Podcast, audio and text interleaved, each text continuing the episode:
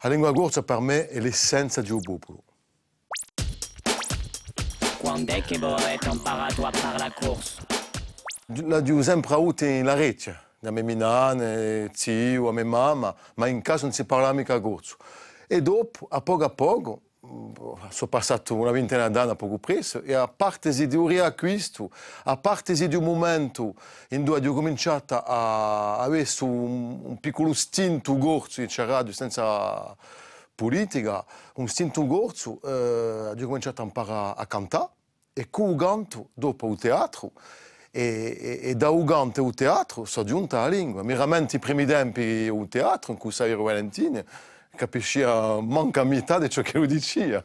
Uh, teatro, te, enfin, dirà a Nantes teatro paesano, e dopo si chiamava uh, Teatro Guppabia. C'era una squadra, eravamo una squadra, e, e così che abbiamo imparato, a poco a poco, correre a questo. Quando la dublate a lingua corsa?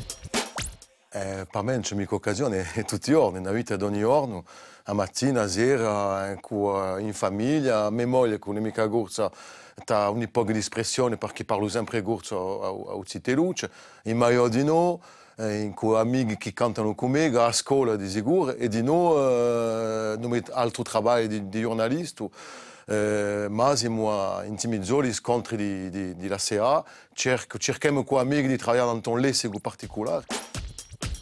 Chi rappresenta per voi la lingua corsa?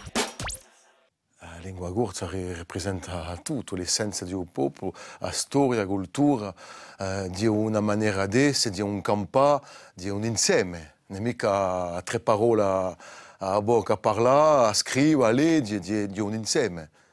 È, qualcosa di, di, di assai profondo che, si perde nella notte dei tempi. Come dite la bene di lingua corsa? Oggi la lingua corsa poco a poco si impegna, si sviluppa in tutti i domeni. Bon, è vero che i risultati oggi, nel primo mica video sono pochi i risultati, c'è poco a fare, non c'è vedere eh, tutti gli impegni di Ugreta non ha certificato, bon, c'è poca gente, io ogni poco sono interessato, partono un po' in tutti i sensi ma eh, di c'è la settimana della lingua corsa, ci sono i mezzi, ma poco a poco si vede se noi videolem, per esempio, questi videoli, eh, la lingua corsa nei domeni generali di, di, di vita ogni giorno, oggi e, e vent'anni fa, non nulla che vede, c'è quantunque un'evoluzione.